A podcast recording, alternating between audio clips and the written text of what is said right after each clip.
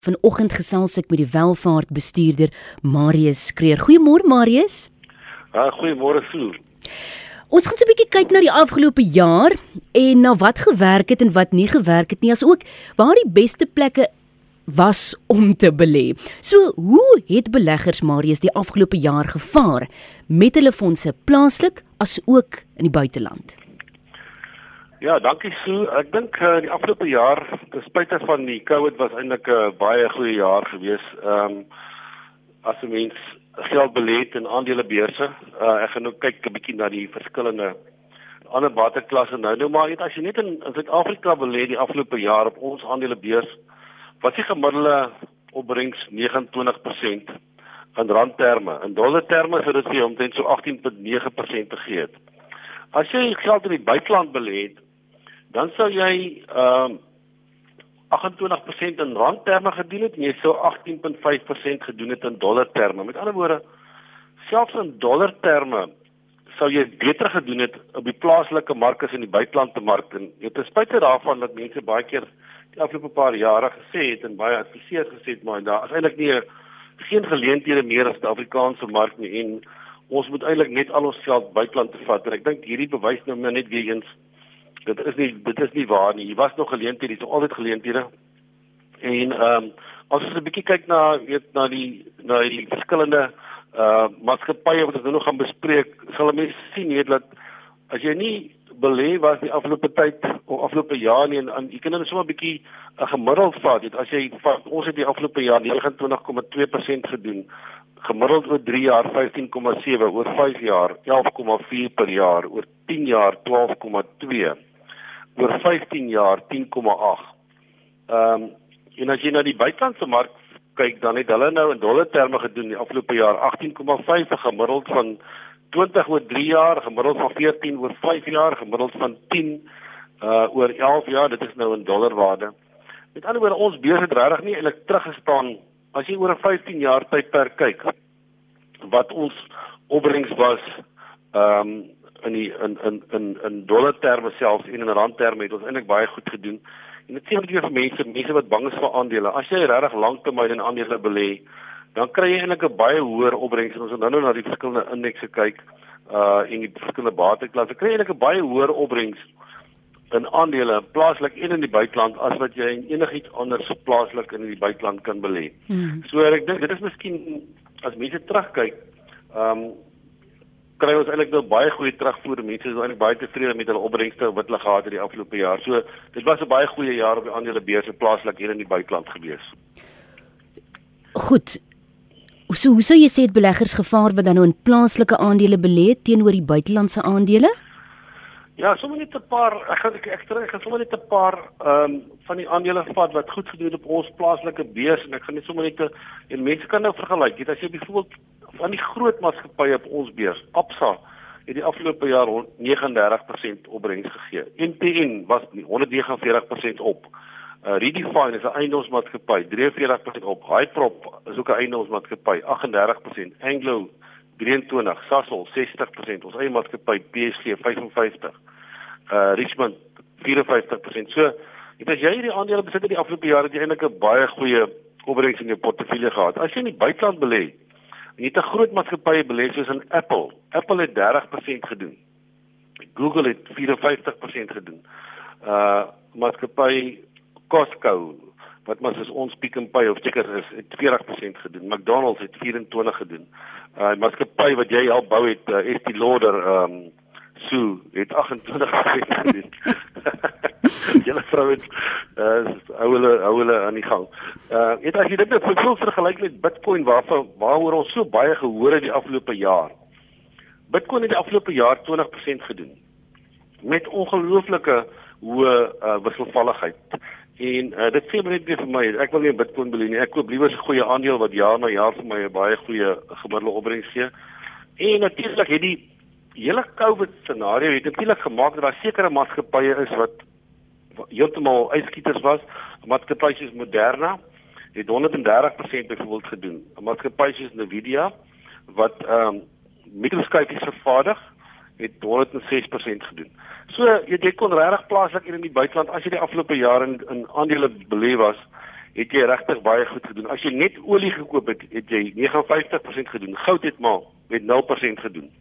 Uh die die S&P 500 in die FSA, die grootste 500 maatskappye, as jy op daai indeks daar indeks belê het, sou jy 22% gekry het. So dit het dit wys maar net vir jou dat dit regtig baie goed te gaan die afgelope jaar met beleggers wat hulle geld in aandelebeurse gehad het. Hmm.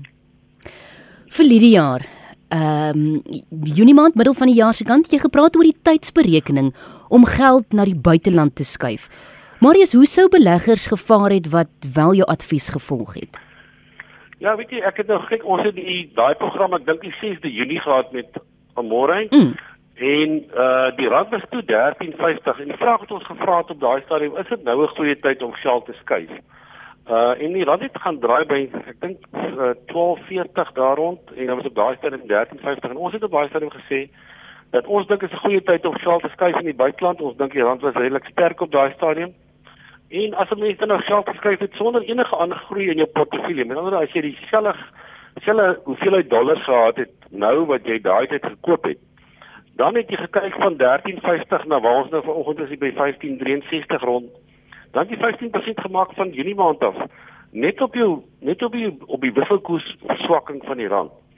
So ek dink mense wat na die program luister en nie advies gevolg het uh die afgelope jaar uh en ons het maar heeltyd gepraat dat ons dink aandele is die beste plek om te wees.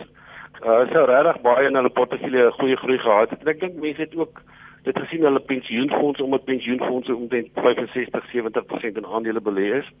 Ehm um, ongelukkig het pensioenfonds is beperk dat hulle mag net 30% in die buiteland van jou geld sit ook jou utiliteite ensovoorts.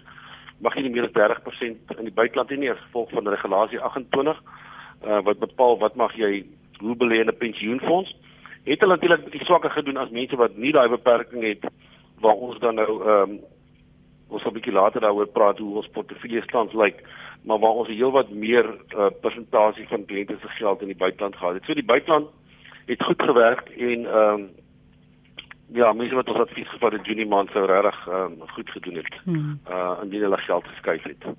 Kom ons kyk gou bateklasse. Hoe het die verskillende bateklasse gevaar? Dis nou plaaslik en in die buiteland. Dit is vir my fantasties dat ons altyd die twee so vergelyk. Ja, weet jy, ehm um, as ons nou as ons kyk na ons het nou gepraat oor aandele, met ander aandele plaaslik het 29%. As jy net in effekte belê het plaaslik en jy kyk na ons effekte indeks, sou jy 8.4 gedoen het. As jy jou geld in geldpark gehad het, sou jy net 3.8% gedoen het. As jy die afgelope jaar eiendom gekoop het, so jy 36,9% gedoen het. As jy na buitelandse aandele kyk, ek praat nou net in randterme, sou jy 28% gedoen het in randterme teenoor ons 29. Buitelandse kontant, alhoewel jy in dollar terme baie swak opbrengs kry, sou jy so 8.7% gekry omdat die rand so verswak het. Uh buitelandse effekte sou jy net 1.1% gekry en buitelandse eiendom het ook baie goed gedoen. So wie eens as jy nou die afgelope jaar kyk, dan was eiendom eintlik die beste bateklas. Maar as jy oor 5 jaar kyk, sou eiendom vir jou in Suid-Afrika minus 4% gegee het per jaar. So eiendom het baie swaar gekry die afgelope klomp jaar, maar van 'n lae basis af het eiendom eintlik baie goed gedoen die afgelope jaar. So ehm um, en dis hoekom ons altyd praat oor diversifikasie so, want ons weet mens moenie al jou eie mandjie sit nie en as jy dan nou 'n gebalanseerde portefeulje gehad het en kom as jy 60% eiendom gehad of aandele gehad en 20% of 10 10% eiendom en miskien 'n bietjie kontant en 'n bietjie effekte in jou portefeulje moet jy die afgelope jaar daarom so 3-24% opbrengs gehad het in jou portefeulje. Mm. So ek dink uh, die verskillende bateklasse sê maar net vir vir mense op op risikobasis, jy weet op op kapitaal, kontant geld in die bank of geldmarkfonds jy nie 'n groot risiko om kapitaal te verloor nie, maar jou groot risiko hierso is uh wat geldmark nou weer vir ons wys is. Jy klop nie inflasie nie. Die afgelope jare het jy 3.8 gekry, oor 3 jaar sou jy gemiddeld 5.5 gekry het. As jy na 10 jaar kyk, dan was ons rentekoerse baie hoër, sou jy maar net 6.2% gekry het in 'n geldmarkfonds. En natuurlik moet jy nou nog belasting betaal op daai rente. So dit is nie die beste belegging om te maak oor die lang termyn nie. Uh daar's wel 'n plek daarvoor nou se portefeulje, die manier hoe jy jou portefeulje saamstel, saamstel. Maar ja, ehm um, die beste bateklas die afgelope jaar plaaslik en in die buiteland was maar eiendom geweest en tweede beste was aandele en daarna kom kom effekte. Dis nou so 20 minute voor 12 indien jy pas ingeskakel het. Dis finansies en ek gesels met welvaartbestuurder Marius Kreer van PSG Wealth. Ons het nou gefokus op die verskillende indekse in Suid-Afrika en internasionaal, dit bietjie vergelyk. Ook nou pas gefokus op die bateklasse en die wat uitpresteer het. So Marius, dis nou seker tyd om na 2022 te kyk, die jaar wat nou voorlê. Hoe lyk julle samestellings van kliënte se portefeuilles tans? Ja, weet jy ons het um, op die oomblik gesê ons is uh, die afgelope jaar was ons eintlik vol belê in aandele en en ehm um, ons het ook eiendom in die portefeulje gehad gelukkig wat vir ons goed gedoen het plaaslik in die buiteland. Ons is nog altyd gemaklik om tussen 40 en 50% van kliënte se geld in die buiteland te hou. Uh langtermyn as jy mense bietjie na langtermyn geskiedenis kyk uh van die buiteland in in in randterme en jy het die afgelope 14 jaar 15 jaar wil hê jy gemiddeld van 13% gekry per jaar in aandele in die buiteland. So ons is nog altyd gemaklik om dit te doen. Ons dink nie aandele gaan hierdie jaar so goed doen soos in die soos laas jaar nie omdat die Amerikaanse regering besig is om die reserve eh, federale reserve besig om rentekoerse op te stoot en hulle gaan heel moeilike vier rentekoersverhogings kry hierdie jaar. Uh dit is nie noodwendig altyd groei nie vir aandele nie, maar daar gaan altyd as 'n mens ehm um, portefeulje bestuurder het wat uh, sy soutwerkers gaan nog altyd goeie aandele in hierdie omstandighede kry en uh, sal hy vir 'n goeie opbrengs kry. Mm. So ons dink nie aandele gaan so goed doen nie, maar ons dink nog altyd dis ons dis ons voorkeur uh uh waterklas vir die jaar. So ons ons gaan nog altyd oorgeweeg wees. Ons het reeds begin om in ons buitelandse gedeelte 'n bietjie van daai aandele na die kontant toe geskuif. Ons wil dit nog altyd in die buiteland hou, ons gaan dit terugbring nie. Net om 'n bietjie meer konservatief te wees om ook soos wat die soos ons maar altyd sê om bietjie kry droog te hê as daar 'n groot skok in die mark kom. Ons dink uh die mark kan 'n bietjie afkoop ehm um, nog vorentoe en dit gaan vir ons 'n geleentheid gee om 'n bietjie goedkoper 'n klomp bates in die hande te kry met die krap met die kontant wat ons in die portefeulje het. So ons het bietjie meer kontant as laas jaar hierdie tyd, maar ons is gemaklik ehm um, om nog ons buitelandse blootstelling te hou en ons aandele blootstelling te hou. Ons dink aandele in Suid-Afrika op die oomblik is eintlik glad nie duur nie. Hmm. As luisteraars vir saamgesels kan hulle dit gerus doen via ons SMS lyn 45889 R1.50 per SMS. Ons sal die vrae rig aan Marius. Marius, ek wil nou fokus regtig waar op Jan Alleman. Die faktore wat die grootste invloed het op Jan Alleman se finansiële posisie. Ja, ek dink die een wat vir my uitstaan so is 'n mens se spandeer patrone. Nou ehm um, iemand het het het 'n uh, ding geplaas, ek dink as die persoon is uh, Morgan Housel hy het 'n boek geskryf, The Psychology of Money, as jy ooit die boek in die hande kan kry, jy kan hom bestel aanlyn, jy kan hom ook ehm um, jy kan hom koop as jy hom deur Amazon of so wil bestel. Maar kry gerus die boek, dit gaan vir jou regtig baie leer, as jy nou 'n bietjie daaroor praat. Hy sê hy sê spending money to show people how much money you have is the fastest way to have less. So mense se spandeerpatrone is hulle grootste grootste vyand van kleins af. Ehm um, lewe mense in 'n huis en dit gaan gewoonlik begin met maar daar. So dit hang af hoe spandeer jy jou geld? Spandeer jy meer as wat jy verdien? Ehm um, ek het altyd 'n vriend wat sê hy mense kan bekostig om te lewe soos hy lewe. Ehm um, en dan mense as 'n mens bietjie mooi sou dink, dink ek is baie Suid-Afrikaners en baie mense in die wêreld in daai posisie. So as jy nie in 'n situasie in 'n scenario is of in 'n 'n denkpatroon is waar jy twee keer dink voor jy vir jouself 'n luksheid aanskaf nie.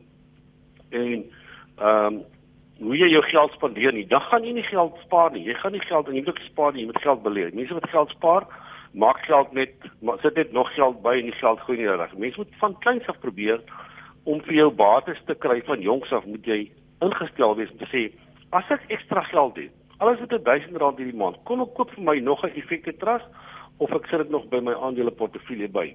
Uh, Warren Buffett het sy eerste aandeel gekoop op 9 jaar. So as 'n mens nie daai ingesteldheid het van van die begin af nie met ander as jy jou eerste salaris kry en jy besluit van begin af. Ek gaan 10% van hierdie geld gaan ek belê of spaar dan jy nooit gehad nie. Dan is dit baie maklik om daarsonder klaar te kom Maar as jy vandag eendag besluit, hoe gaan ek my hier is my inkomste en ek kan met hierdie inkomste hierdie eiendom besit bes, uh, bekom, ek gaan kwalifiseer daarvoor en hierdie inkomste kan my help om hierdie motor te kry. Dan gewoonlik maak mense hulle sommetjies en sê maar ek kan dit bekostig. Maar wat baie mense doen is om te sê Nee, ek gaan eers 10% spaar en wat ek dan oor het, gaan ek dan meer kyk waar watter kar kan ek bekostig, watter huis kan ek bekostig. En as jy nie daai ingesteldheid het nie, dan begin jy verkeerd. En ek het gesien in my lewe en ons sien mos nou maar oor die afgelope 30 jaar wat ek in die bedryf is, het ek so baie voorbeelde gesien. Ek gaan sommer so twee voorbeelde noem so van Ja. ek kom by 'n onderwyseres wat amper wat 79 jaar oud is. Nou as jy nou dink wat het onderwysers verdien, weet veral vroeër jare. Hulle het regtig nie groot salarisse verdien nie. Hierdie persoon het 3 huise op haar eie naam wat sy met geld gekoop het wat sy gespaar het. Sy het 'n aandeleportefeulje wat skrik vir niks. Sy het 'n pensioen, klein pensioentjie wat maar die wat nou die staatspensioen is. Maar sy is finansiëel in 'n baie goeie posisie en ek vra vir hoe kry jy dit reg met hierdie salaris? Sy sê ek het net vandag een af elke rand wat ek gehad het gespaar. Ek het nie duur karre gekoop nie, ek het nie in 'n duur huis gebly nie. Ek het vandag een af besluit ek gaan liewer uh beleggings maak as wat ek gaan geld uitgee. En ek dink dit is die grootste grootste probleem wat meeste van ons maar het. Ons hou daarvan om mooi gekies te koop. Ehm Mm. as jy byvoorbeeld jou, jou eerste motor wat jy gekoop het, uh en jy 10000 rand gespaar. Nou, kom ons sê net jy koop 'n motor deesdae en die motor kos, kom ons sê 250000 rand. Dis nou nie 'n duur motor nie. Dan kom maar dan vra hulle vir jou gewoonlik, wil jy hierdie extras by en dan sê ag ja, wat sit maar dit by? Sit maar dit by. Ewe skielik is dit 10000 rand wat jy bygesit. As jy daai 10000 rand nie bygesit het nie, en na 30 jaar tree jy af. So daai 10000 rand en jy 10% opbrengs per jaar gekry, dit is nou gesien dat jy kan maklik op die aandelebeurs kry. So daai 10000 na 174000 toe gegroei het. En nou wil ek sommer 'n bietjie praat oor die saamgestelde die krag van saamgestelde rente. As jy dit 40 jaar gehou het, belê het, sou dit 452000 rand gewees het. Nou ewe skielik op die aftrede kom jy met 452000 rand meer in jou sak. Dit gee vir jou weet jy 10% amper 'n 4000 rand per maand ekstra pensioen wat jy sou gehad het. Net omdat jy daai een besluit gemaak het destyds om te sê ek gaan liewer 10000 rand minder spandeer op hierdie motor en ek gaan hierdie geld belê. So mense moet ook besef wat is die saamgestelde groei se krag wat 'n mens kry in in geld. En as jy dit doen, dan as jy eintlik geneig om meer geld te te, te belê. Jy wil sê ook nou die dag net as jy as jy ou sien met 'n Rolex horlosie wat kom ek sê ek noem nou 'n naam ek het nie 'n naam genoem het nie maar 'n duur horlosie wat kom ons sê 30000 rand kos. Dan moet jy eintlik vir jouself sê daai persoon net is 30000 rand armer. Maar ek nie hy horlosie horlosie weer verkoop vir 30000 rand nie. Hmm. Hy kon die 30000 rand belê het en hy het 30000 rand kon vir hom gegroei het oor 40 jaar na 1.2 miljoen. So dit is dit is dit is die, een van die grootste probleme. En dan natuurlik net ek dink dit mense is nie altyd finansiëel geletterd nie en daarmee uh wil ek maar net sê ons groei noodwendig in huise op waar ons ouers vir ons leer hoe werk geld, hoe werk beleggings, wat is die voordeel as jy vroeg begin en as jy gereeld spaar nie. 'n Ander goeie voorbeeld wat ek baie keer gebruik. Twee persone is albei 25 jaar oud. Die een ou besluit hy gaan R500 'n maand spaar. Hy spaar R6000 per jaar. Maar hy hou op na 5 jaar. Met ander woorde, na 5 jaar het hy nou hierdie R30000 gespaar plus 'n bietjie groei wat hy nog gekry. Kom ons sê dis nou R33000 werd. Nou hou hy op. Sy vriend het besluit nee, hy gaan nou eers nog 'n bietjie ander geld spandeer. Hy gaan eers op 30 begin spaar. Sy vriend begin ook op 30, nie R500 'n maand. Op 55 het hierdie vriend nog nie daai ou gevang wat net vir 5 jaar wil hê.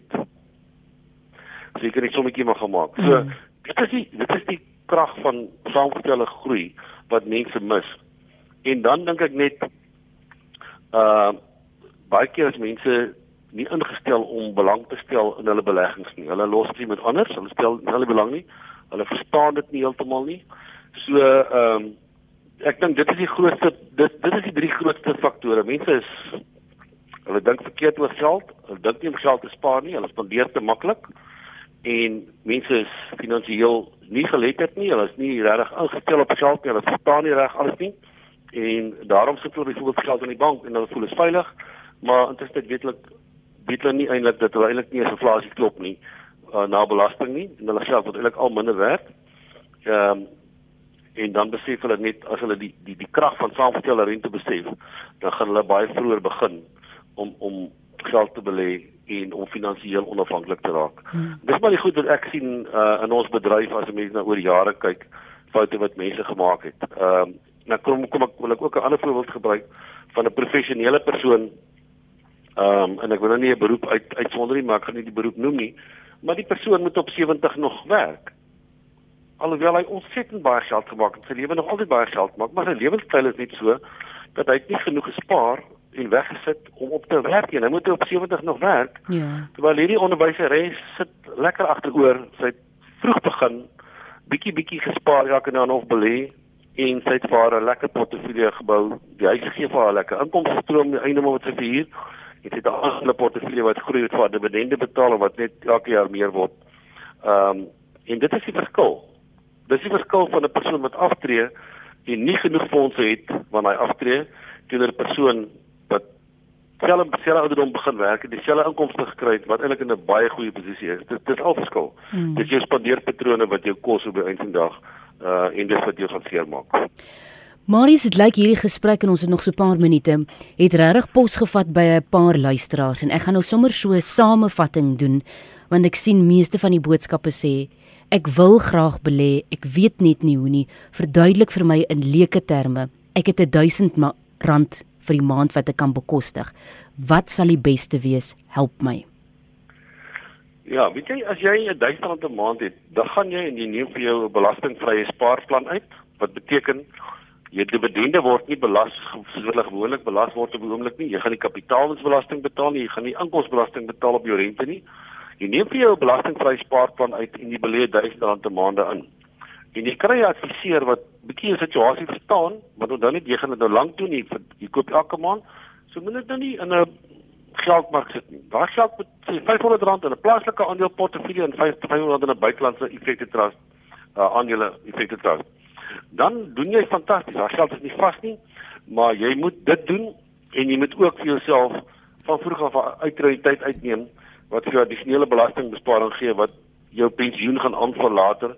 Uh en die goeie ding van die uitreitheid is jy kan nie daan vat voor die 55 nie. Anders dit doen jy om te spaar, doen jy maar sal laat los. Terwyl jy die geld in die belastingvrye spaarplan gedagte 'n bietjie beter groei, maar ongelukkig kan jy jou hande daarop kry en baie min mense kry dit reg om nie aan my kapitaal te vat nie. Maar ja, daar's daar's maniere om 'n R500 'n maand te spaar en R1000 'n maand te spaar. Maar mense moet dit net doen en hoe vroeër jy begin, hoe beter is die situasie uh, die dag wanneer jy aftree. Marius, dit was nou 'n baie interessante gesprek. Jy moes so hard wees op die mense oor hulle geld nie, nee, maar maar maar ek kan sien ek wil so graag ja, hê mense moet onafhanklik wees. Ons sien soveel pyn eintlik van mense wat en dit jy kan dit nie regmaak so as jy 60 is nie. Mm. Dis te laat. Mm. Jy kan dit jy nie as jy 5 jaar tyd het kan jy nie hierdie goed regmaak. Jy moet hierdie goed regmaak terwyl jy jonk is. Moet jy jou kop bietjie jou gedenkpatrone bietjie verander hoe jy dink oor geld en hoe jy geld spandeer. En as jy dit kan regkry, Ehm um, en ek sê, jy moenie ander mense probeer beïndruk met dit wat jy koop nie. Uh, jy maak jouself net arm, jy gaan hulle regtig nie beïndruk nie. Uh ry liewer se ry liewer se tweedehandse motor langer uh en spandeer daai geld, koop vir jou nog aandele, koop vir jou nog effekte trust uh in belê daai geld as wat jy lekker lewe nou en jy moet die laaste 20 jaar van jou lewe gaan swaar kry. Sukkel, ja. Dit was nou 'n baie interessante gesprek. Vreeslik baie dankie. Ehm um, kan mense kontak maak? Ja, lekker gerus my e-pos stuur uh, of my skakel. My nasionale nommer is 0861 uh, 348190. Uh of hulle kan vir my uh, e-pos stuur. My e-posadres is marius.kreer@psg.co.za. Mooi bly Marius. Totsiens. Lekker dag. Dankie. Dit dan welvaart bestuurder Marius Kreer.